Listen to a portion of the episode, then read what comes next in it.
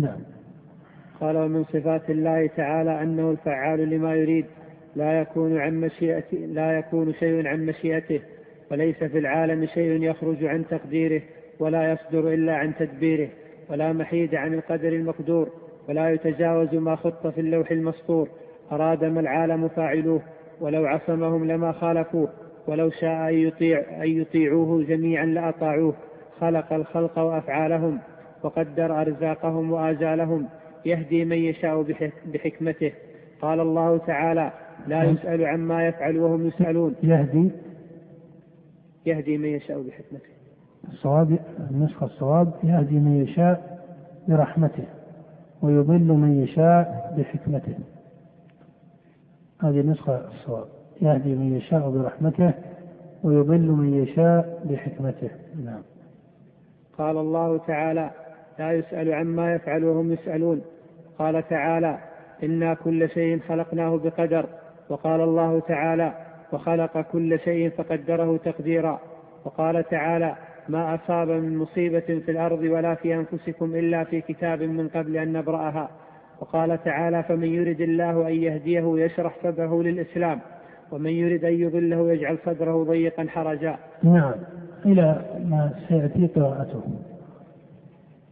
هذا الفصل عقده المصنف رحمه الله لتقريب أصل من خصم أصول الدين وهو قدره سبحانه وتعالى. والإيمان بقدر الرب سبحانه وتعالى من أصول الإيمان كما ذكر ذلك النبي صلى الله عليه وسلم في حديث جبريل لما قال الإيمان أن تؤمن بالله وملائكته وكتبه ورسله واليوم الآخر والقدر خيره وشره. فهذا من أصول الإسلام وأصول الإيمان وكما قال ابن عباس القدر نظام التوحيد. القدر نظام التوحيد. فهذا من أخص أصول الإيمان والدين. والقدر هو قدر الله سبحانه وتعالى وهو فعله وقضاؤه وإرادته ومشيئته في سائر ما يقع في هذا العالم وسائر ما يقع في ملكوت السماوات والأرض وما خلق الله من شيء. هذا قدره سبحانه وتعالى فلا يقع شيء إلا بإرادته ومشيئته. أصل هذا الباب وهو أن كل شيء في ملكوت السماوات والأرض وما خلق الله من شيء هو بتدبير الله وقضائه وإرادته وملكه. أصل هذا الباب مجمع عليه بين المسلمين. لم يقع فيه شيء من النزاع من جهة أصله. وحتى عامة الكفار الذين يقرون بالربوبية يقرون بهذا القدر على كلي فيه وإجمال فيه وإن كان كما أسلمت حتى توحيد الربوبية وإن قيل إن الكفار يقرون به إلا أنه إقرار بالأصول المجملة وأما التحقيق فإنه لا يحقق توحيد الربوبية إلا مسلم مؤمن بالله ورسوله. وفرق بين الإيمان المجمل عند المشركين بالربوبية وبين الإيمان المفصل بالربوبية عند المسلمين. آه هذا وجه. إنما المسألة من القدر التي كثر النزاع فيها بين أهل القبلة هي مسألة أفعال العباد. مسألة أفعال العباد. هل أفعال العباد تدخل في قدر الله وقضائه أم أنها مختصة بالعباد؟ هذا هو محل الخلاف بين أهل القبلة في الجملة. فأكبر مسألة قدرية تكلم أهل القبلة فيها بقدر من التنازع هي مسألة أفعال العباد. قيامهم وقعودهم طاعتهم ومعصيتهم أفعالهم العادية. هل يقال إن هذه الأفعال بإرادة الله ومشيئته وخلقه أم أن العباد يستقلون بها؟ أم يقال إن العباد قد جبروا على أفعالهم ولا إرادة لهم ولا مشيئة؟ هذه هي المسألة التي كثر النزاع فيها. أولا تقرير مذهب أهل السنة في باب القدر. اشتهر في كلام جملة من متأخر أهل السنة أن مراتب القدر إيش؟ أن مراتب القدر أربع. علم الرب سبحانه وتعالى بأفعال العباد كتابته لها إرادته ومشيئته خلقه. هذا القول قول صحيح. ولكن إذا أردت تقرير التمام في مسألة القدر فإن الأولى أن يقال أن هذه المسألة محصلة بأصول سبعة. محصلة بأصول سبعة عند السلف. ومن نص على هذه الأصول الإمام ابن تيمية رحمه الله. الأصل الأول الإيمان بعموم علمه سبحانه وتعالى بكل شيء. الإيمان بعموم علمه سبحانه وتعالى بكل شيء. في ملكوت السماوات والأرض وما خلق الله من شيء. فعلم ما كان وما سيكون. فعلم ما كان وما سيكون. وقد دخل في عموم علمه علمه سبحانه وتعالى بأفعال العباد. هكذا يرتب التقرير. الإيمان بعموم علمه بما كان وما سيكون وقد دخل في عموم علمه علمه سبحانه وتعالى بأفعال العباد قبل كونها. فيعلم ما هم فاعلون وما تصير إليه أمورهم وأحوالهم. وهذا الأصل أصل شرعي عقلي فطري. ولهذا من انكر هذا الأصل فإنه يكون إيش؟ كافرا زنديقا. وهذا الأصل لم ينكره أحد من المسلمين. لم ينكره أحد من المسلمين. حتى القدرية المعتزلة أقروا بهذا الأصل في الإجمال أو على قدر من الإجمال. فإن قيل إن الغلاة من القدرية أنكروا. قيل الغلاة من القدرية هؤلاء الذين يراد بهم من ينكر علم الرب بما سيكون من أفعال العباد ويقولون إنه لا يعلمها إلا عند كونها هؤلاء ليسوا مسلمين هؤلاء قوم زنادقة وكفرهم أعظم من كفر اليهود والنصارى لأنه ماذا بقي لهم من الدين والإسلام والاشتباه أو التأويل إذا أنكروا علم الرب بإيش؟ بما سيكون. هذا إبطال لمقام الربوبية والألوهية. هذا إبطال لمقام ربوبية الله سبحانه وتعالى. وإذا بطل مقام الربوبية بطل مقام الألوهية لأن الإله المعبود لا بد أن يكون هو الرب المتفرد بالملكوت والتدبير والعلم والإرادة. فإذا هذا قول قوم من الزنادقة. وإن نسب لطائفة من القدرية الذين يزعمون الإسلام. فهؤلاء إن زعموا الإسلام فهم منافقون فإن قيل هذا القول ما منشأه قيل هذا قول قوم من غلاة الفلاسفة الملاحدة نقل إلى من يزعم الانتساب للإسلام وهؤلاء كما يقول ابن تيمية إنهم منافقون نفاقا علميا في انتسابهم للاسلام وإلا فهم قوم زنادقة. وقد أجمع السلف على تكفيرهم بأعيانهم. ولا يلزم أن تقام الحجه عليهم لأن الحجه عليهم يعلم ضرورة أنها إيش؟ يعلم ضرورة أنها إيش؟ أنها قائمه فإن هذه مساله لا يمكن أن يحصل فيها اشتباه لكونها مستقرة بالفطره والعقل والشرع القصد أن هؤلاء زنادقه نقلوا قولا من الفلاسفه وأظهروه عند المسلمين نفاقا. الأصل الثاني أن الله سبحانه وتعالى كتب في الذكر في اللوح المحفوظ كل شيء. وقد دخل في عموم كتابته كتابته سبحانه وتعالى لأفعال العباد. وفي حديث عبد الله بن عمرو في الصحيح إن الله كتب مقادير الخلائق قبل أن يخلق السماوات والأرض بخمسين ألف سنة فكتب سبحانه وتعالى أفعال العباد قبل وجودهم وقبل خلقهم هل الكتابة أصل عرفناه بالعقل والشرع أم عرفناه بالشرع؟ بالشرع يعني هل العقل قبل ورود النص من القرآن يدل على أن أفعال العباد مكتوبة؟ الجواب لا وإن كان العقل بعد خبر الله بها لا ينفي شيئا من ذلك فإن العقل لا يعارض النقل الأصل الثالث هذا الأصل أيضا أقر به سواد المسلمين ولم ينكره إلا قوم من غلاة القدرية. وهو دون الأصل الأول في المقام. الأصل الثالث أن الله سبحانه وتعالى أو تقول الإيمان بعموم إرادته ومشيئته النافذة. فلا يقع شيء إلا وقد أراد الله سبحانه وتعالى وقوعه. ولا يقع شيء في ملكوت السماوات والأرض وما خلق الله من شيء إلا بمشيئته. وقد دخل في عموم إرادته ومشيئته إرادته لأفعال العباد. أخي على طريق الحق هنا منتصف الشريف. طاعة أو معصية خيرا أو شرا عبادة أو عادة كل أفعالهم بإرادة الرب ومشيئته. الأصل الرابع الإيمان بأنه خالق كل شيء. الإيمان بعموم خلقه كما وصف نفسه في كتابه أنه خالق كل شيء.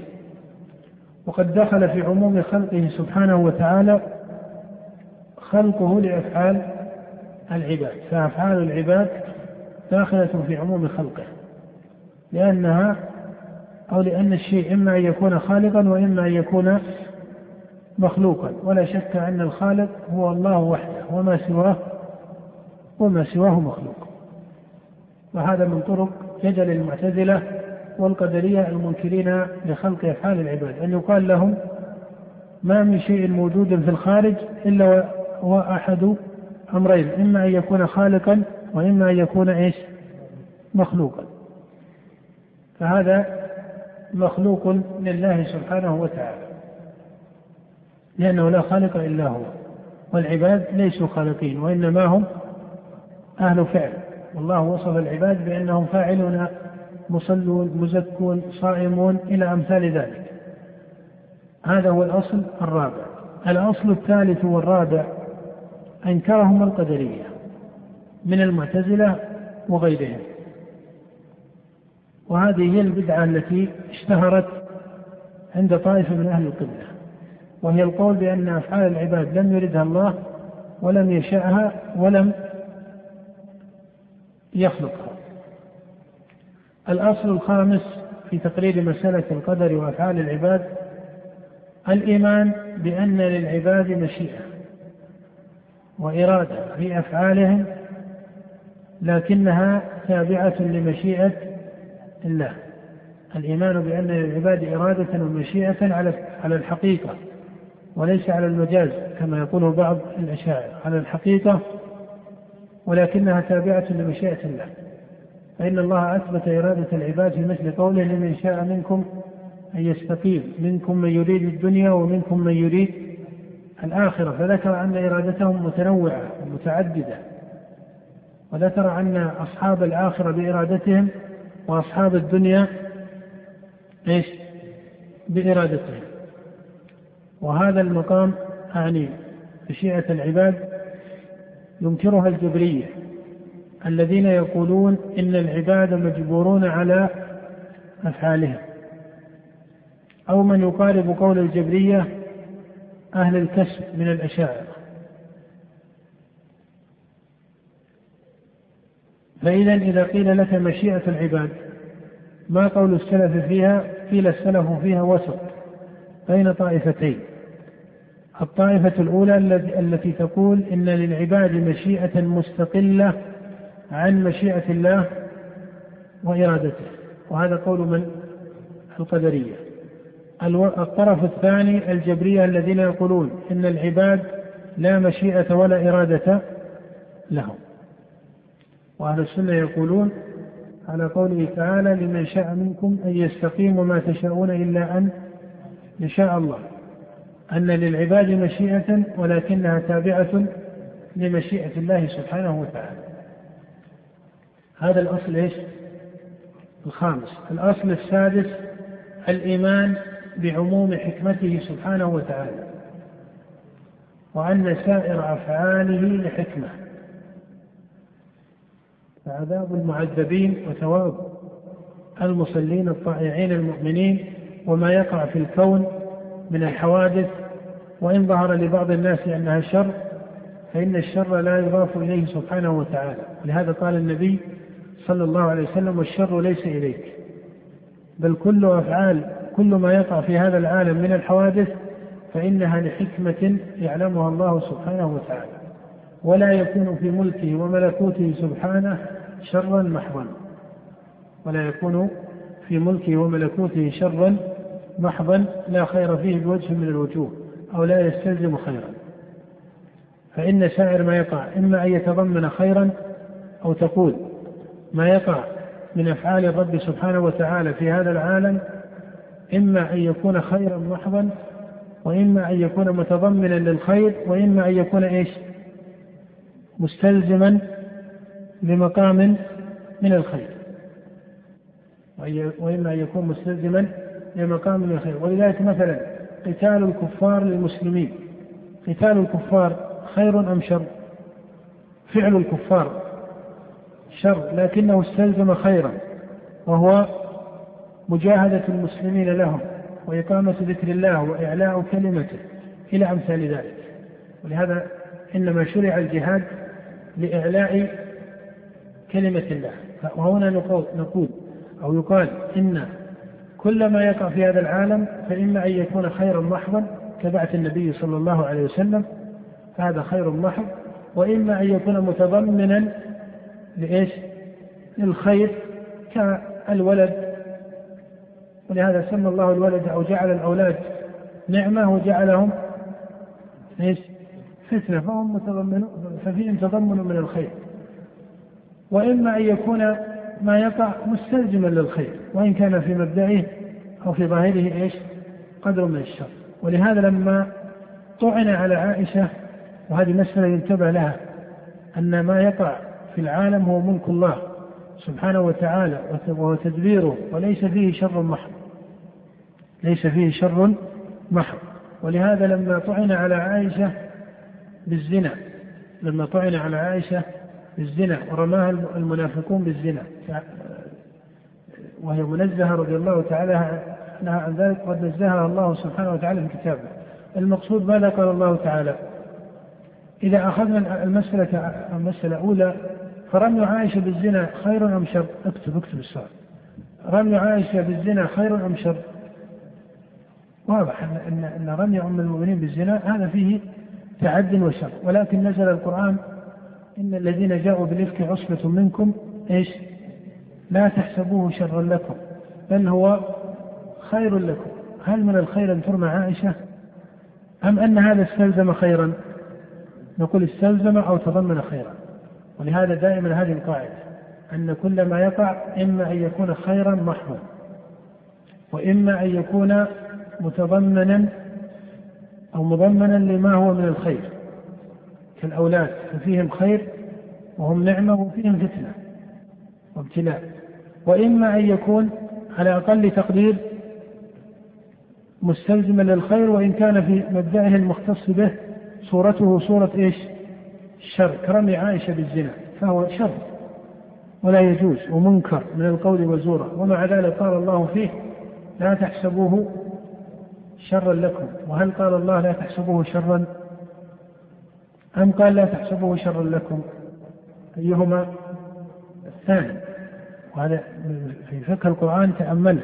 ما قال الله تعالى لا تحسبوه شرا. إنما قال لا تحسبوه شرا لكم وإلا هو منكر وشر. لكنه ليس شرا للمؤمنين بل حصل فيه من المنافع وامتياز المؤمنين عن غيرهم وتبرئة أم المؤمنين وتفضيلها وتقديمها ما هو خير بين. فهذا معنى قول الرسول عليه الصلاة والسلام والشر ليس إليك. وهذه الكلمة تكلف الشراح حتى بعض أهل السنة المتأخرين حار عليهم شرحها. وهي من البينات والهدى التي لا إشكال فيها. أن الله سبحانه وتعالى منزه عن الشر ولا يضاف إليه الشر بحال من الأحوال. وكل ما يقع في هذا العالم من مظاهره شر ففيه ففيه مصلحة ففيه مصلحة وخير من وجه آخر الأصل الخامس انتهينا والسادس السادس. إلى الإيمان بعموم حكمته. السادس هذا. في بقي السابع نعم. بقي السابع نعم. الأصل السابع الإيمان بأن عباد مأمورون بما أمرهم الله به. منهيون عما نهاهم الله عنه. وأنه لا حجة لأحد من العباد على الخلق. لا عفوا وأنه لا حجة لأحد من الخلق على الله بل لله الحجة البالغة على خلقه. وهذا المقام هو ما يسمى بمقام إيش؟ مقام الجمع بين الشرع وهو أمر الله ونهيه والقدر. وأن القدر ليس حجة على إسقاط الأمر والنهي. وهذه مسألة هذه مسألة الاحتجاج بالقدر على المعصية يأتي الكلام فيها إن شاء الله. هذه الأصول السبعة أصول جامعة لمسألة أفعال العباد ومقامها في قدر الله وقضائه. هذه الأصول السبعة أصول أجمع عليها السلف وهي أصول جامعة لمسألة أفعال العباد التي حصل فيها النزاع ومقامها في قدر الله تعالى. وترى أن هذه الأصول السبعة خالف السلف بها ولاة القدرية في الأصل الأول خالفوا مجمل القدرية من المعتزلة وغيرهم في الأصل الثالث والرابع خالفوا الجبرية والقدرية في الأصل إيش؟ الخامس خالفوا الجبرية الذين ينفون الحكمة في الأصل السادس خالفوا المنحرفة من الصوفية في الأصل السابع الذين لم يحققوا الجمع بين الشرع والقدر. لم يحققوا الجمع بين الشرع والقدر فهذا امتياز يعني هذه الأصول هي امتياز أهل السنة عن سائر طوائف أهل البدع في مسألة أفعال العباد ومقامها في قدر الرب سبحانه وتعالى. قال المؤلف عليه رحمة الله تبارك وتعالى: ونفعنا الله بعلمه وبعلم شيخنا في الدارين آمين. وروى ابن عمر أن جبريل عليه السلام قال للنبي صلى الله عليه وسلم ما الإيمان؟ قال أن تؤمن بالله وملائكته وكتبه ورسله واليوم الآخر والقدر خيره وشره. فقال جبريل صدقت. وقال النبي صلى الله عليه وسلم آمنت بالقدر خيره نعم وهذه الرواية حديث ابن عمر هو حدث بها عن ابن عمر حدث بها عن أبيه عن أبيه عمر رضي الله تعالى عنه. وهذا هو حديث جبريل المعروف وقد اتفق العلماء على قبول هذا الحديث وصحته. وفيه ذكر أو وفيه ذكر لأصول الديانة. فإنه ذكر فيه الإيمان وذكر فيه الإسلام وذكر فيه الإحسان. وترى أن الإيمان لما ذكر في هذا الحديث ذكر على جملة من الأصول التي يقع بها التصديق ويقع بها اعتبار القلب. ولما ذكر الإسلام ذكر على قدر من الشرائع أو ذكرت أصول الشرائع فيه. الظاهرة وهي الشهادة والصلاة والزكاة والصوم والحج. ولما ذكر الإحسان ذكر على مقام تحقيق العبادة والديانة. ولهذا يقال إن هذا الحديث جامع لمسائل أصول الدين فإن فيه ذكرا للأصول القلبية والأصول الظاهرة وفيه ذكر لحقيقة العبادة ومنهجها الشرعي وهي ما ذكره النبي بقوله أن تعبد الله كأنك تراه. فهذا الحديث جامع لسائر مسائل أصول الدين. ويراد بذكر المصنف هنا له أن النبي صلى الله عليه وسلم جعل من أصول الإيمان الإيمان بالقدر. وترى أن في الكلمات النبوية ذكرا للقدر خيره وشره. وليس يراد بذلك أن في أفعال الرب سبحانه وتعالى شرا محضا. بل كما قال النبي عليه الصلاة والسلام والشر ليس إليك. وإنما هذا الشر هو باعتبار حال الفعل وباعتبار حال الفاعل. فإن الفعل في نفسه يسمى شرا. ومعلوم بإجماع أهل السنة أن الفاعل للأفعال يعني أفعال العباد أن أنه ما يقال أن الله هو الخالق لأفعال العباد إلا أنه ليس معناه أن الله هو الفاعل لها. تعالى الله عن ذلك. بل الفاعل للفعل هو العبد والمصلي والصائم والمزكي والمجاهد وفي المقابل السارق والزاني والشارب الخمر هم العباد. فأفعال العباد هي أفعالهم والفاعل هو العبد والفعل فعل العبد وإن كان الله سبحانه وتعالى خالقا لها. ثمة فرقا بين مقام الخلق لأفعال العباد وبين مقام أن العباد فاعلون لأفعالهم. ولهذا لا يفهم من ذلك أن العباد أن وأن الله سبحانه وتعالى هو الفاعل. هذا فهم غلط ولا يتبادر. ولذلك ما عبر به بعض الشراح من أن أهل السنة يقولون إن الله هو خالق أفعال العباد وأنه الفاعل لها. هذا ليس بصحيح. فإن كلمة الفعل لم تستعمل عند السلف إنما يستعملون كلمة الخلق لأنها هي الكلمة الشاملة في القرآن أن الله هو الخالق لكل شيء. وأما كلمة الفعل فإنها معلقة بالإرادة كقوله تعالى فعال لما يريد. ولهذا فالفعل من جهة أفعال العباد وأفعال العباد. لهذا وصفهم الله بأنهم الراكعون الساجدون إلى آخره. فالشر الذي ذكر هنا هو من جهة الفعل أو جهة الفاعل. وإلا فليس في أفعال الله سبحانه وتعالى ولا في خلقه ما هو من الشر المحض. كما تقدم الإشارة إلى ذلك على قول الله تعالى أو من جنس قول الله تعالى إن الذين جاءوا بالإفك عصبة منكم لا تحسبوه شرا لكم بل هو خير لكم فإنه وإن كان رمي عائشة بالزنا لا شك أنه من الإفك والباطل والشر ولهذا قال الله في كتابه لا تحسبوه شرا لكم فهو هنا مضاف مما يدل على أن أوجه الإضافة تتعدد أو تتحد. تتعدد أو تتوحد. أوجه الإضافة تتعدد. فالفعل باعتبار ما وقع من بعض الإضافات شرا وباعتبار حال سواد المسلمين ليس شرا. ولهذا لم يقل لا تحسبوه شرا. وإنما قال لا تحسبوه شرا لكم. فهذا إضافة تبين المقصود بذلك. ثم إن كلمة الشر في استعمال صاحب اللغة أو في استعمال أهل اللغة وفي استعمال صاحب الشريعة وهو محمد صلى الله عليه وسلم أعم من كلمة الشر الذي يراد بها الفجور والفسوق. ولهذا جاء في حديث ابن مسعود في الصحيح أنه أدركوا حية بمنى وهم مع رسول الله صلى الله عليه وسلم قال فابتدرها القوم ليقتلوها. فذهبت فلم يدركوها فقال النبي صلى الله عليه وسلم وقاها الله شركم كما وقاكم شرها. قال وقاها الله شركم مع أن قتلهم إياها لم يكن شرا أي لم يكن شرا على معنى الفسوق أو الفجور أو ما إلى ذلك. فكلمة الشر أوسع من كلمة الفسوق أو المعصية أو ما إلى ذلك. نعم. وقال النبي صلى الله عليه وسلم آمنت بالقدر خيره وشره وحلوه ومره ومن دعا النبي ومن دعاء النبي صلى الله عليه وسلم الذي علمه الحسن بن علي يدعو به في قنوت الوتر وقني شر ما قضيت. نعم هذا الدعاء رواه الإمام أحمد وغيره وهو حديث حسن. وهو حديث حسن أن النبي صلى الله عليه وسلم علم الحسن ذلك.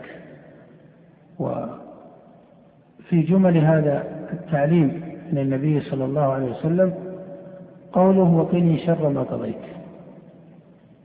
وهذا يرجع إلى القاعدة السابقة في المجلس الماضي في تفسير معنى الشر وأن الله سبحانه لا يضاف إليه الشر وإنما الشر إما يكون باعتبار الفعل وإما يكون باعتبار الفاعل ولذلك ما من وجه أو ما من أمر هو شر باعتبار الفعل إلا ويمكن إضافته بوجه آخر يكون إيش؟ يكون خيرا. وهذا هو الذي جاء ذكره في القرآن والسنة. قال ولا نجعل قضاء الله وقدره حجة لنا في ترك أوامره واجتناب نواهيه. نعم ولا نجعل قضاء الله حجة لنا في ترك أوامره واجتناب نواهيه. الأصل السابع الذي سبق معنا من أصول أهل السنة هو الجمع بين الشرع والقدر وهذا من أشرف الأصول في الديانة الجمع بين شرع الله وبين قدره. فإن من أسقط الشرع بالقدر فهذا حجته من جنس حجة المشركين الذين قالوا فيما ذكره الله عنه في غير مقام في القرآن لو شاء الله إيش؟ ما أشركنا. فهذا هو معنى إسقاط الشرع بالقدر. أي أنهم قالوا إن الله سبحانه وتعالى هو الذي كتب علينا الشرك. وقدره علينا وسبق هذا القضاء والقدر قبل الخلق أي قبل أن يخلق الخلق. هذا صحيح أو غير صحيح؟ أن الله كتب الشرك عليهم وقدر أنهم سيشركون وعلم أنهم سيشركون. هذا صحيح أو غير صحيح؟ هذا صحيح. فجعلوا هذا العلم السابق وهذه الإرادة وهذه المشيئة وهذه الكتابة جعلوها حجة لهم على الله. ماذا سمى الله سبحانه وتعالى هذا الاستدلال من المشركين في كتابه؟ سماه كذبا فإن الله قال كذلك كذب الذين من قبلهم. هنا قوله كذلك كذب الذين من قبلهم يراد به أحد أمرين إما أن هذه الحجة لا تعد حجة بل هي كذب وإما أنه يراد أن هذا هو طريق تكذيب من كان قبله وعلى المعنيين فإن هذه الحجة إما أن تكون كذبا مطابقا أو متضمنا وإما أن تكون مستلزمة لإيش؟ للكذب وما وجه كونها كذبا؟ لأنها خلاف ما في نفوسهم لأنها خلاف إيش؟ ما في نفوسهم بل فيها هوى ولماذا يقال إنها خلاف ما في نفوس المشركين؟ قد يقول قائل لعلها حجة قد اقتنعوا بها الصواب ليس كذلك هي خلاف ما في نفوسهم من جهة أنهم يعلمون أن القدر وأن المشيئة في قولهم لو شاء الله ما أشركنا أن المشيئة هل هي مختصة بشركهم أم بسائر أحوالهم؟ أيهما الثاني بسائر أحوالهم فكما أن شركهم بقدر وبمشيئة الله وعلمه الله قبل وجوده فكذلك أكلهم وشربهم ونكاحهم وتوارثهم وقتالهم وقتلهم وعفوهم إلى آخر كل أمورهم بما بقدر. فإن قولك هذا قدر الله أو من الأصول الإيمان بالقدر أو من أقر بالقدر من المشركين وهم جمهور المشركين أقروا به في الجملة. ليس على تحقيق وتفصيل فإن التحقيق دائما والتفصيل لا يقع إلا لإتباع الأنبياء. الإقرار بالقدر هل يراد به مسائل الشرائع أم القدر في سائر أفعال العباد؟ خيرها وشرها العادية وغير العادية. هل يختص بمسائل التكليف والتشريع؟ أم أن القدر يعم جميع أفعال العبد أيهما؟ يعم جميع أفعال العباد. ولذلك من جعل القدر حجة على ترك الشرع ترك التوحيد كما هي حجة المشركين أو حتى على ترك بعض الشرع كما هي حجة تعرض لبعض العصاة يزينه الشيطان لهم يقال له لم لم تصلي فيقول هذا هذا قدر الله. يقال للسارق لما سرقت؟ فيقول إن الله قدر علي ذلك. هل قوله إن الله كتب علي ذلك قبل أن أخلق صحيح أو غير صحيح؟ صحيح الله كتب على هذا السارق أنه سيسرق. وعلم سبحانه وتعالى قبل خلق هذا العبد أنه سيسرق والنبي يقول إن الله كتب مقادير الخلائق قبل أن يخلق السماوات إلى غير ذلك. ولكن الغلط في كونه جعل القدر السابق حجة على ترك الشرع. لما هذه كذب حجة؟ سماه الله في القرآن كذبا. إما مطابقة وإما لزوما. ما وجه كونها كذبا؟ نقول لأنها خلاف ما في نفوسهم. أين ذلك؟ ذلك أن القدر يعم سائر الأحوال ولا يختص بالتشريعات. فلو أن واحدا من المشركين أو قل حتى من من يعرض له هذا في بعض الواجبات من عصاة المسلمين لو قيل له إن فلانا قتل ابنك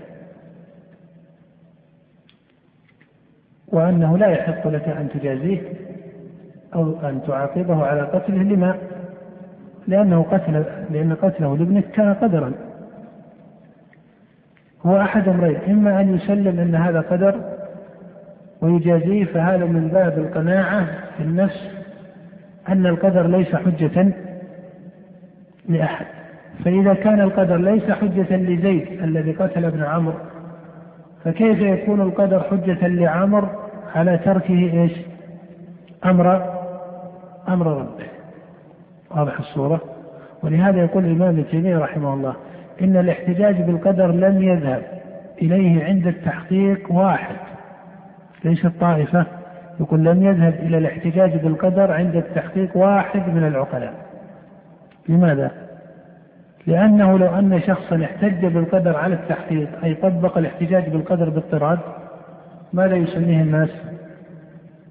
ولا حتى المجنون ربما يكون أبلغ من درجة الجنون يعني حتى المجنون لا يرضى بهذا لأنه يقال يلزمه ماذا؟ يلزمه أمور كثيرة من يضربه يقر الضرب أو لا يقر الضرب يلزم أن يقر الضرب لأن الضارب إنما ضرب إيش؟ قدرا ويلزمه أن من قتل ولده لا يجازيه لأن القتل كان قدرا ومن سرق ماله لا يجازيه لأن من سرق ماله إنما كان إيش؟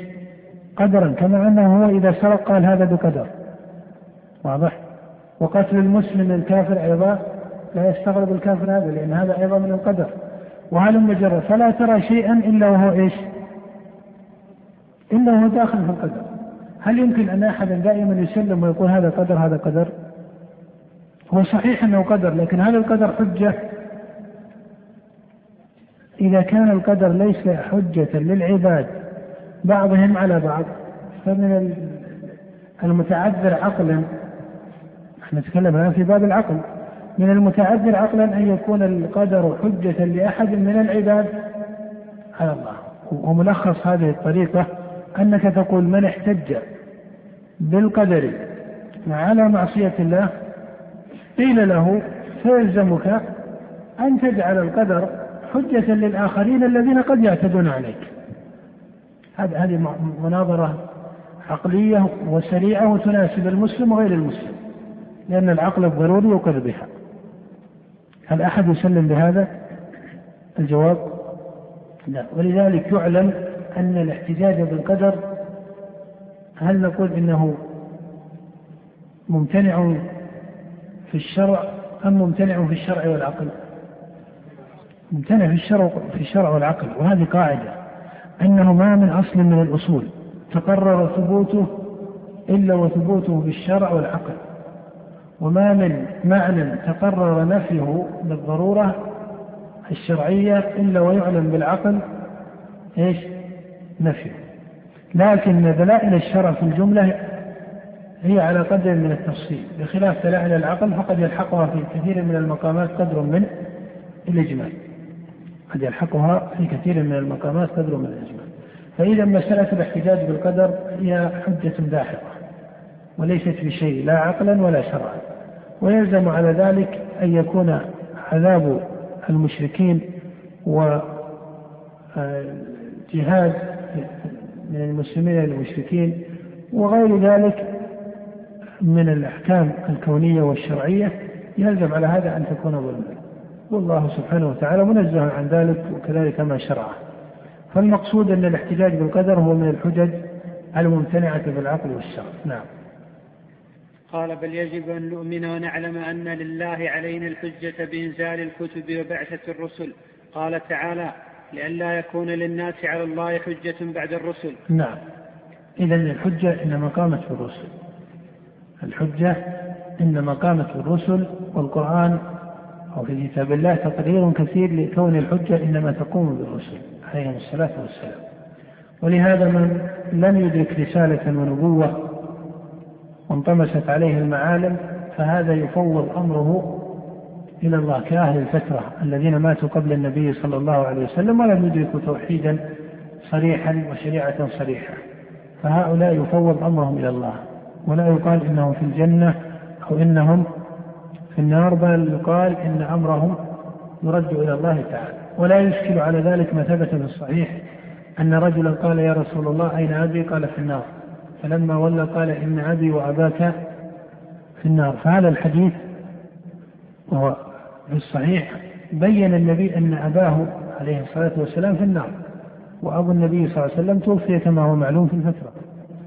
هل يقال أو هل يدل هذا على أن سائر من كان حاله كحال أبي النبي. من كان في الفترة يكون في النار الجواب لا. هذا قياس فاسد وطرد غلط. بل الصواب أن هذا خبر مختص أي وحي مختص بأبي الرسول صلى الله عليه وسلم. وأما بقية أهل الفترة فإنه لا يلزم فيهم ذلك. وإذا قيل لا يلزم فيهم ذلك هل يعني أنهم مسلمون أو أنهم في الجنة؟ إنما الذي يعني أن أمرهم يفوض إلى الله. مع أنهم كانوا في حقيقة حالهم يفعلون الشرك الأكبر ولا شك كانوا مشركين. لكن لا يقال إنهم في النار لأن الله يقول وما كنا معذبين حتى نبعث رسولا. لئلا يكون للناس على الله حجة بعد الرسل. الرسل لا بد من حجتهم.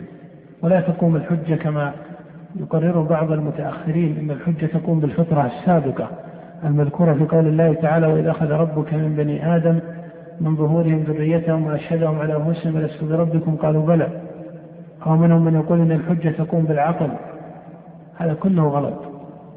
لا شك أن الفطرة تدل على التوحيد العقل يدل على التوحيد والإيمان وما إلى ذلك لكن الحجة حجة الله إنما تقوم على العباد بالرسالة وهنا مسألة شريفة وهي استعمال الأسماء في القرآن ومسألة الحجة والكفر وما يتعلق بهذه المسائل مسائل حصل فيها نوع من الخفض والرفع في هذا العصر.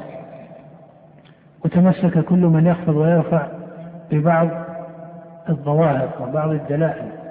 فتجد من يقول إن الجهل ليس عذرا في الكفر وأن الجاهل والعالم في الكفر أو في ترك الإيمان واحد. وامثال هذا من المقالات. هذه لو قيل ما الجواب الصحيح؟ هل الجهل حجة وليس بحجه قيل هذا فيه تفصيل. فإنه كما يقرر ابن تيمية رحمه الله إن جمهور الأسماء أصبحت عند المتأخرين مجملة وصار المراد بها أكثر من معنى. من يقول إن إن الجهل حجة؟ عفوا إن الجهل ليس عذرا أو ما إلى ذلك. ما دليله؟ دليله أنه ينظر في مواضع من كتاب الله فيجد أن الله وصف الكفار الذين توعدهم بالنار والعذاب والخلود في عذابه ونار وفي النار يجد أن الله توعد هؤلاء الكفار مع أنه سماهم إيش؟ أي حكم عليهم بالكفر والخلود في النار مع أنه وصفهم بالجهل. وهل تجدون في كتاب الله وصفا للكفار بالجهل؟ الجواب نعم في كتاب الله وصف للكفار بالجهل. وصف للكفار بعدم العقل. يقول الله تعالى وقالوا لو كنا نسمع أو نعقل ما كنا في أصحاب السعير. فيقول بعض من يقرر هذه المسائل يقول إن هؤلاء وافوا ربهم بالكفر ووافوا ربهم على هذا الشرك ودخلوا النار وقالوا لو كنا نسمع أو نعقل. مما يدل على أنهم ما عقلوا ولا انضبط سمعهم فتكون نتيجة مثل هذه أو مثل هذا النظر في كلام الله أن الكفار حكم الله عليهم بالخلود في النار مع أنهم إيش؟ جاهلون مع أنهم ليسوا على عقل ليسوا على سمع حقيقي أو تام للقرآن إلى غير ذلك. هذا غلط. في الفهم وليس الذي يراد بكتاب الله أو بآيات الكتاب هذا المعنى. فإنك لو نظرت إلى سياق آخر في القرآن وهذا يتمسك به من يعكس المسألة. من يعكس المسألة يتمسك بذلك أي من يبالغ في تقدير مسألة الحجة وأن الكفر لا بد له من كذا وكذا ثم يضع شروطا متكلفة لثبوت الكفر. تجد في مقابل ذلك يعني أن الله وصف الكفار بالجهل وعدم العقل إلا أن ثمة آيات من كتاب الله وصف الكفار فيها بالمعرفة التي تقابل إيش؟ الجهل. ألم يقل الله تعالى عن الكفار أو عن جنس من أصناف الكفار الذين آتيناهم الكتاب؟ ماذا؟ يعرفونه كما يعرفون أبناءهم. القوم وصفوا مرة أنهم يعرفونه كما يعرفون أبناءهم ووصفوا مرة بأنهم جاهلون لا يعقلون. أليس كذلك؟ وفي قول الله تعالى عن أغلب الكفار كفرا أو من أظهر أغلب الكفر وهو فرعون ومن معه قال الله تعالى وجحدوا بها واستيقنتها أنفسهم هذا نوع من اليقين في النفس فإذا أين وصف الكفار بالجهل؟ أين وصف الكفار بأنهم لا يعقلون؟ إلى أمثال ذلك هنا يقع نوع من التردد عند من يجمع المقامين لكن من ينظر على مقام واحد كأنه حقيقة لم يتصور السياق إيش؟ تصور سياقا ولم يتصور السياق الثاني. ولهذا إذا قيل له أهل الفترة قال في النار. طيب ما بلغهم الحجة؟ قال لا الحجة الفطرة السابقة الحجة العقل ولا يلزم العلم. متى تقوم الحجة؟ على الإنسان مجرد أن يسمع آية من القرآن ولا يسلم بها قامت عليه الحجة طيب فهم المعنى أو لم يفهم المعنى؟ يقول لا يلزم. لأن النبي كان مجرد أن يسمع العرب منه آية من القرآن أو دعوة واحدة كان يكفي. عقلوا ولم يعقلوا فهموا ولم يفهموا هذا لا يلزم هذا هذا تخرص. كيف لا يلزم؟ ما معنى أن القرآن حجة على الناس؟ ما معنى أنه بينات من الهدى والفرقان؟ العرب كانوا يدرون جملة الدعوة أنها شيء واحد. أجعل الآلهة إلها واحد. هذا المعنى معقول مفهوم مدرك عند العرب في جاهليتهم. أم لم يدركوه؟ كانوا مدركين له متصورين له على التمام أصلا قبل البعثة إذا ركبوا في الفلك. دعوا الله مخلصين له الدين فكانت النبوة واضحة. هدف النبوة أو مقصود النبوة كان مقصودا واضحا. لكن كونهم لم يتصوروا جملة الشرائع أو ما إلى ذلك لكن مقصود الديانة الأول الذي به يحصل الدخول في الإسلام كان مقصودا إيش؟ كان مقصودا واضحا وهو أن الله هو الواحد المعبود. وهم يفهمون هذا ويطبقونه أحيانا إذا ركبوا في الفلك. فمن يقول إن, إن النبي إنما تك... خاطب العرب ولم ولم يسأل هل عقلوا ولم يعقلوا. هذا من ينظر يقول هذا يقول إن النبي خاطب العرب في الإسلام ولم يسأل من عقل ومن لم يعقل وكان يقاتل الكفار وهو لم يتأكد هل قامت عليهم الحجة ولم تقوم عليهم الحجة. مسألة قيام الحجة ليس معناه أنك تتكلم مع كل شخص وحده هل قامت عليه الحجة ولم تقم. هي معاني يعرف انضباطها أو عدم انضباطها. المعنى الذي يراد في نبوة النبي وفي سائر النبوات ما هو؟ في سائر الشرائع الرسالية أعبد الله ما لكم من إله غيره. وهذا هو المقصود ذكره وهذا متحقق عند جملة الكفار الذين بعث فيهم الرسل أنهم عرفوا هذا المعنى وكذبوه ولم يعتبروا به. فإذا مسألة العلم هذه أصل في ثبوت الإيمان. وكما أن ذلك يكون في ثبوت الإيمان فإنه لا بد من اعتباره في ثبوت الكفر. على كل حال هذه مسألة لعله يلحق لها بعض التفصيل في مقام آخر. نعم. قال ونعلم أن الله سبحانه هو المقصود من هذا فقط أن, أن يعلم أو أن تعلم أن الأسماء في كتاب الله فيها تنوع فيها تنوع بحسب إيش؟ بحسب السياق وهذه قاعدة ذكرتها في تقرير مسائل الصفات وهي قاعدة مضطردة في سائر مسائل الأصول أنه لا بد من اعتبار السياق ولا يجوز قطع الآيات عن سياقها. وكذلك لا بد من اعتبار القدر المراد في مراد الله ورسوله بالأسماء وبين مراد أهل الاصطلاح.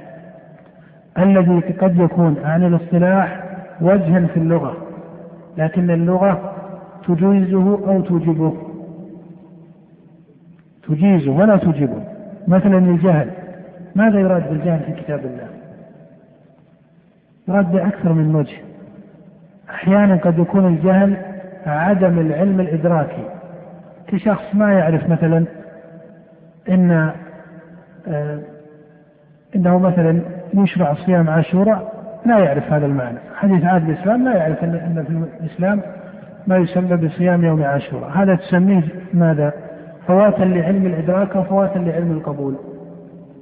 فواتا لعلم الإدراك. ما يعرف هذه المعلومة كأي معلومة من المعلومات. فأحيانا يراد بالجهل هذا الذي هو فوات علم الإدراك. وأحيانا يراد بالجهل في كتاب الله وهذا هو الغالب على مسائل الكفر والإيمان والمخالفة. أنه فوات علم القبول ألا ترى أن الله يقول إنما التوبة على الله. للذين يعملون السوء إيش؟ بجهالة. إنما التوبة على الله. للذين يعملون السوء بجهالة ثم يتوبون من قريب. السياق هنا في حرف القرآن. سياق قصر أم سياق أم بخلاف ذلك؟ السياق هنا من جهة بلاغة اللغة. فيه قصر وحصر. إنما هذا من أدوات أو من أحرف القصر والحصر. هنا ترى أن الله قصر التوبة على من؟ على من يعمل السوء بجهالة. مفهوم هذا السياق. أن من لم يعمل السوء بجهالة يتاب عليه أو لا يتاب عليه. لا يتاب عليه. هل هذا المفهوم له وجود في الخارج أو ليس له وجود؟ له وجود في أحوال الناس وليس له وجود. الصواب ليس له وجود أصلا. لماذا؟ لأنه لا يمكن أن يوجد شخص يعمل السوء إلا وهو يعمل السوء بإيش؟ بجهالة. لا وجود لشخص لا يعمل السوء بجهالة. إذا ما فسرنا الجهالة بما؟ بفوات علم الإدراك أو بفوات علم القبول. بفوات علم القبول. ولهذا قال أبو العالية سألت أصحاب محمد عن هذه الآية فقالوا ماذا؟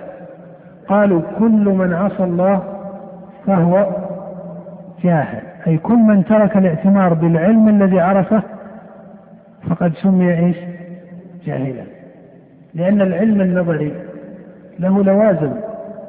إذا تجرد عن لوازمه فعدم اللازم يستلزم عدم الملزوم. تقول أنت مثلا إن العلم بتحريم السرقة. له لازم ماذا؟ لازم شرعي. إحنا نتكلم في معلومات عامة. نتكلم في العلم الشرعي الذي أراده الله من عباده في قوله فاعلم أنه لا إله إلا الله.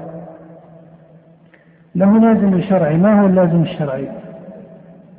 الكف أنه ما, ما يفعل السرقة. فإذا ما سرق وهو يقول إني أعرف أن السرقة حرام ترك اللازم أو لم يترك؟ فوات اللازم يستلزم فوات الملزوم ولهذا يصح أن يسمى جاهلا أو لا يصح يسمى. ولهذا العلم في كلام الله يراد به تارة علم القبول وتارة يراد به علم الإدراك والمعرفة واليقين كذلك.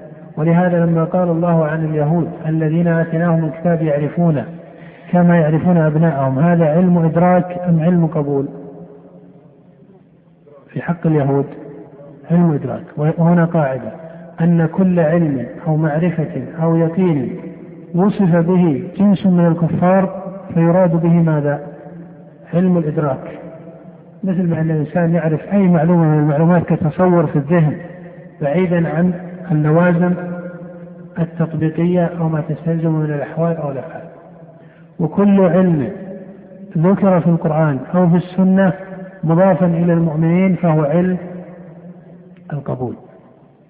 فهو علم القبول ولهذا قال النبي صلى الله عليه وسلم كما في صحيح مسلم وغيره عن عثمان من مات وهو يعلم أنه لا إله إلا الله إيش؟ دخل الجنة. طيب أليس النبي نفسه قد وعد أو ذكر وعيد أهل الكبائر؟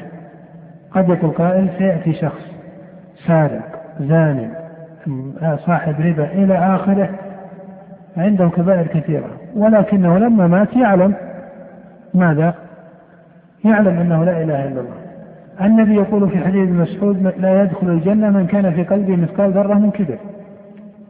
ويقول في حديث أبي أمامة الحارث في الصحيح من اتبع حق امرئ مسلم بيمينه فقد أوجب الله له النار وحرم عليه الجنة. هذه السياقات. يقابلها سياق من مات وهو يعلم أنه لا إله إلا الله دخل الجنة. ماذا يقال؟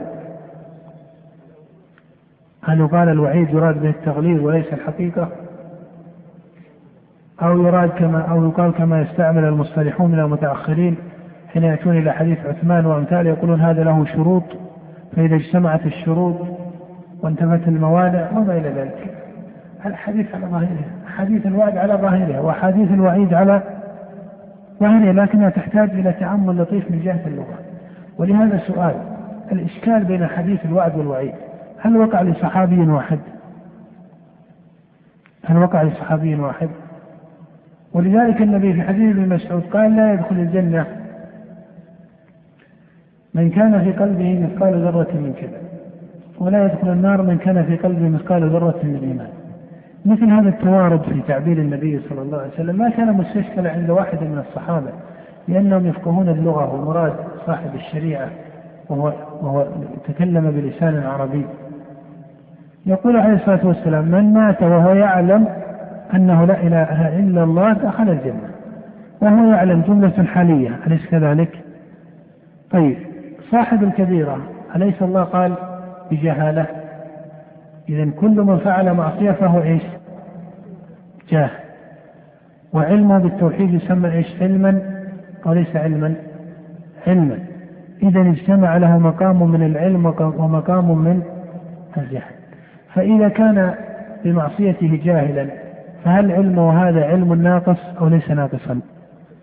ناقص ولا شك لأن المعصية تسمى جهلا أو ليس كذلك؟ كل معصية فهي جهل فإذا كانت المعصية جهلا نقص العلم أو لم ينقص؟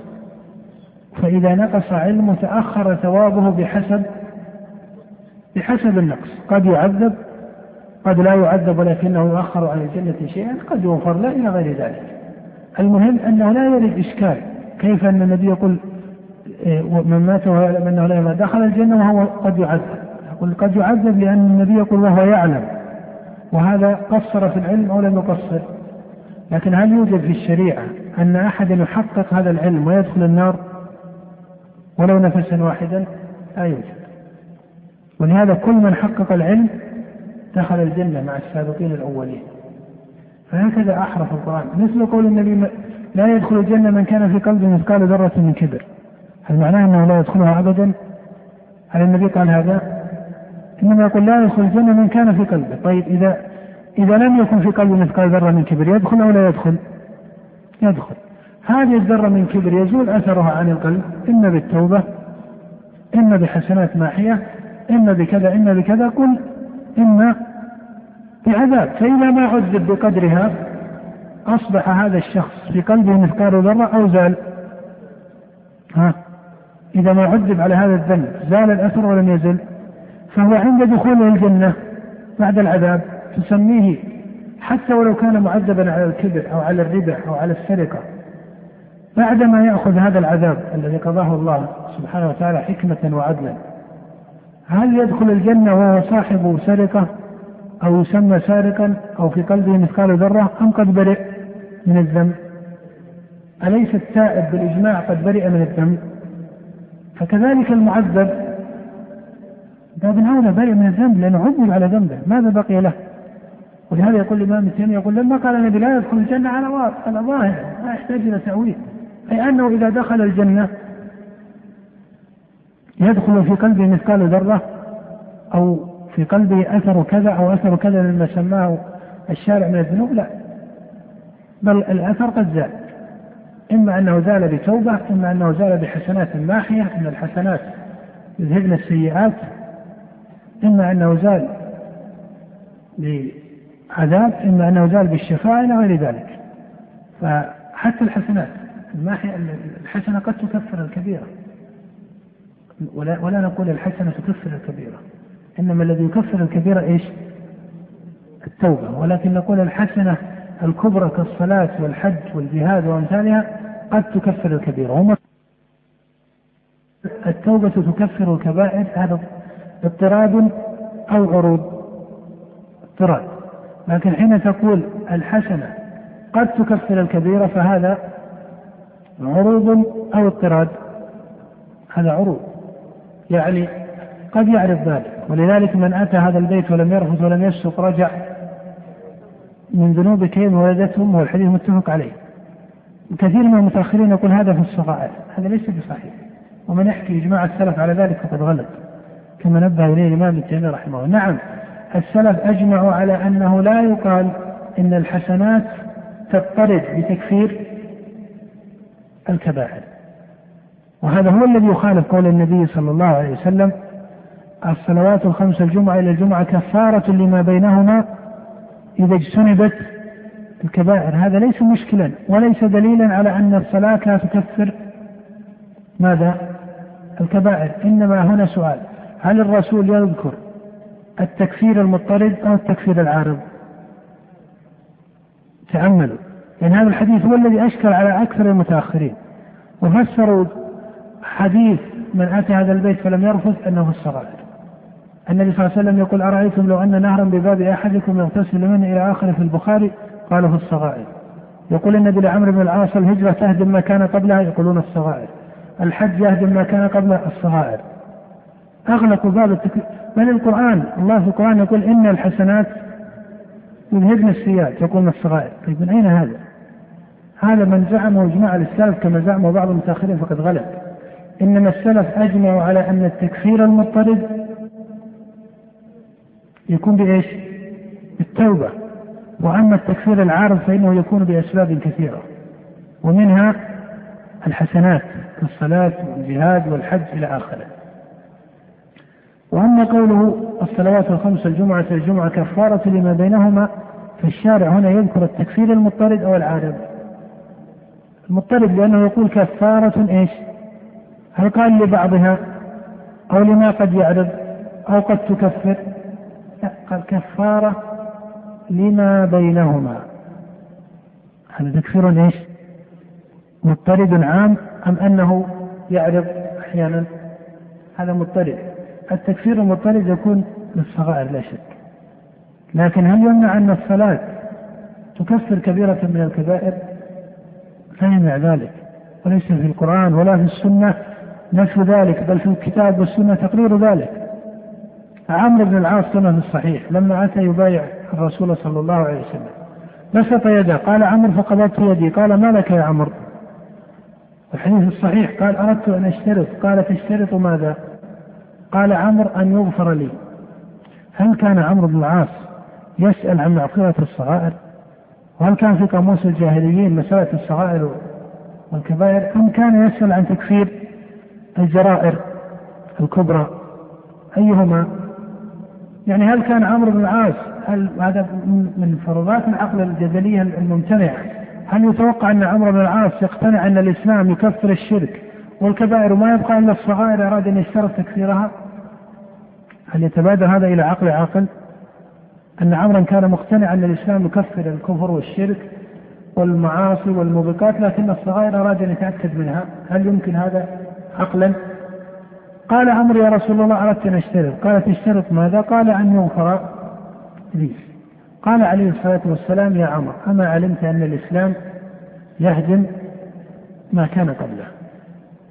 الإسلام هو التوحيد هذا لا, لا, لا إشكال فيه. لكنه قال بعد ذلك عليه الصلاة والسلام قال وأن الهجرة تهدم ما كان قبلها وأن الحج يهدم ما كان قبله. هذا كلام على الحقيقة ومن قال من المتأخرين هذا طمأنة لنفس عمر هذا هذا غلط على الشارع. كيف طمأنة لنفس عمر؟ وهو لا حقيقة. وهو لا حقيقة لنا نعم هو طمأنة لنفس عمر لكن على الحقيقة أو على خلاف الحقيقة. على الحقيقة ولا يكون النبي مخادعا له وعمر لم يكن بين يدي حج. لكن ما معنى أن الحج يهدم ما كان قبله؟ أي من حقق الحج تحقيقا تاما. ولذلك المتأخرون في الغالب يشتغلون بفروضات نظرية لا وجود لها في الخارج. يعني من يحقق الصلاة كما قال عليه الصلاة والسلام أرأيتم لو أن نهرا. ويحقق الحج يحقق أركان الإسلام بصدق ظاهر وباطن. هل ترون أنه من أصحاب الكبائر؟ هل سبق رأيتم شخصا تام التحقيق للصلاة وتام التحقيق للزكاة والصوم والحج؟ وهو يصر على الكبائر؟ لا ومن يقول شخص نعم أنا أعرف شخص كذا نقول ما تعرف يستحيل أن تعرف لما؟ لأن التحقيق إيش؟ ظاهر وباطن، النبي تكلم عن قراءة الخوارج وقال يقرؤون القرآن لا يجاوز ترقيهم مع أنه قال وقراءتهم خير من قراءتكم يعني من جهة الأحوال الظاهرة التي قد يراها الناس. قال تحقرون صلاتكم مع صلاتهم. ومع ذلك أيهما أعظم في ضبط الإيمان وتحقيق صلاة الصحابة أم صلاة الخوارج؟ صلاة الصحابة. تحقرون صلاتكم مع صلاتهم وصيامكم مع صيامهم وقراءتكم مع قراءتهم. مع أن صلاة الصحابة وزكاة وصيام الصحابة وقراءة الصحابة هي المحققة هي الإيمانية هي المؤثرة. فقضية الاعتبار بالظواهر أن شخص يقول نعم نجد كثير من الناس الآن وبعض أهل البدع ما شاء الله في الصلاة أو في الحج لكن ما يفعل كبائر نقول هذا ليس بصحيح. التحقيق تحقيق للظاهر وتحقيق لإيش؟ للباطن. وتحقيق الباطن معناه ثبوت أمرين. الأمر الأول متابعة السنة. وصاحب البدعة ليس على سنة في كثير من أفعاله أولا متابعة السنة ثم الإخلاص لله. وهذا هو العمل الحسن المذكور في قوله ليبلوكم أيكم أحسن عملا أن يكون خالصا صوابا ظاهرا وإيش؟ ولهذا تجدون القرآن أو تجدون الله في القرآن يقول إن الصلاة تنهى عن الفحشاء والمنكر. لماذا؟ لأننا حققها نهت فهذه المعاني يجب أن تفقه في القرآن إلى أن القرآن يصدق بعضه بعضا والسنة كذلك وكل حديث نطق به الرسول فهو على ظاهره. بس يحتاج إلى قدر من التأمل والاعتبار لمناسبات وأما فرض ظهور التعارض كثيرا في كلام الرسول ظاهرهما التعارض ظاهرهما التعارض. هذا الدروج عند كثير من المتأخرين على الاستعمال ظاهرهما التعارض حتى ولو قالوا ظاهرهما الصواب أنه ليس كذلك. هي أحرف تشكل على بعض المجتهدين فيسأل عنها. أما أن تصنف أحاديث كثيرة وإذا ذكر في بعض كتب أصول الفقه قيل ما ظاهر التعارض كأحاديث الوعد والوعيد هذه من بدع المبتدعين.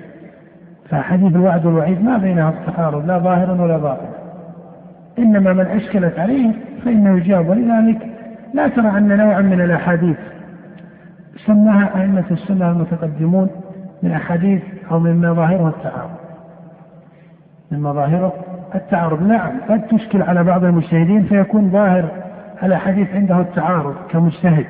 لكن أن تقرر للمسلمين أن حديث كذا وحديث كذا ظاهر التعارض وأن كل مسلم مفترض أن يؤمن بهذه الحقيقة الأولى ثم يذهب للجمع هذا ليس بصحيح. الأصل أنه ليس هناك بين حديث وحديث أو آية وحديث إيش؟ شيء من التعارض. لا لكن من عرض له هذا الظاهر أو هذا التعارض؟ هل يجعل هذا سنة في هذين الحديثين؟